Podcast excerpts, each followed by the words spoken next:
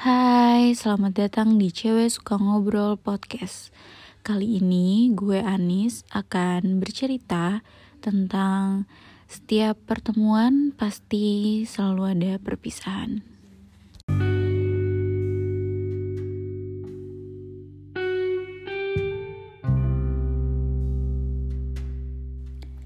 Lagi-lagi manusia sukanya dibuat rumit oleh pemikirannya sendiri. Padahal setiap pertemuan selalu ada perpisahan. Saat yang dirasa baik malah dijauhkan, sesuatu yang lebih baik daripadanya sedang dipersiapkan.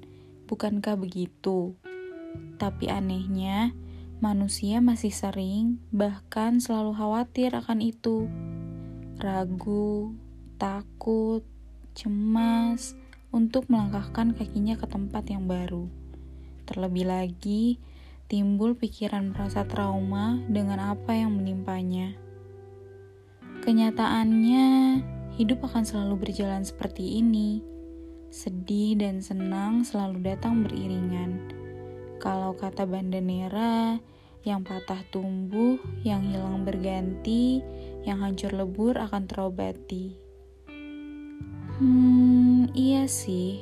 Apalagi ya yang harus kita takutkan kalau semua hal yang sudah, sedang, dan akan terjadi sudah digariskan oleh Sang Pencipta.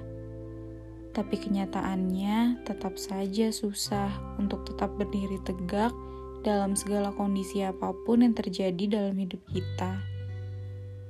Tapi kita harus selalu ingat dan percaya bahwa semua akan diberikan jalan yang terbaik, meskipun kadang perlu air mata untuk menerimanya.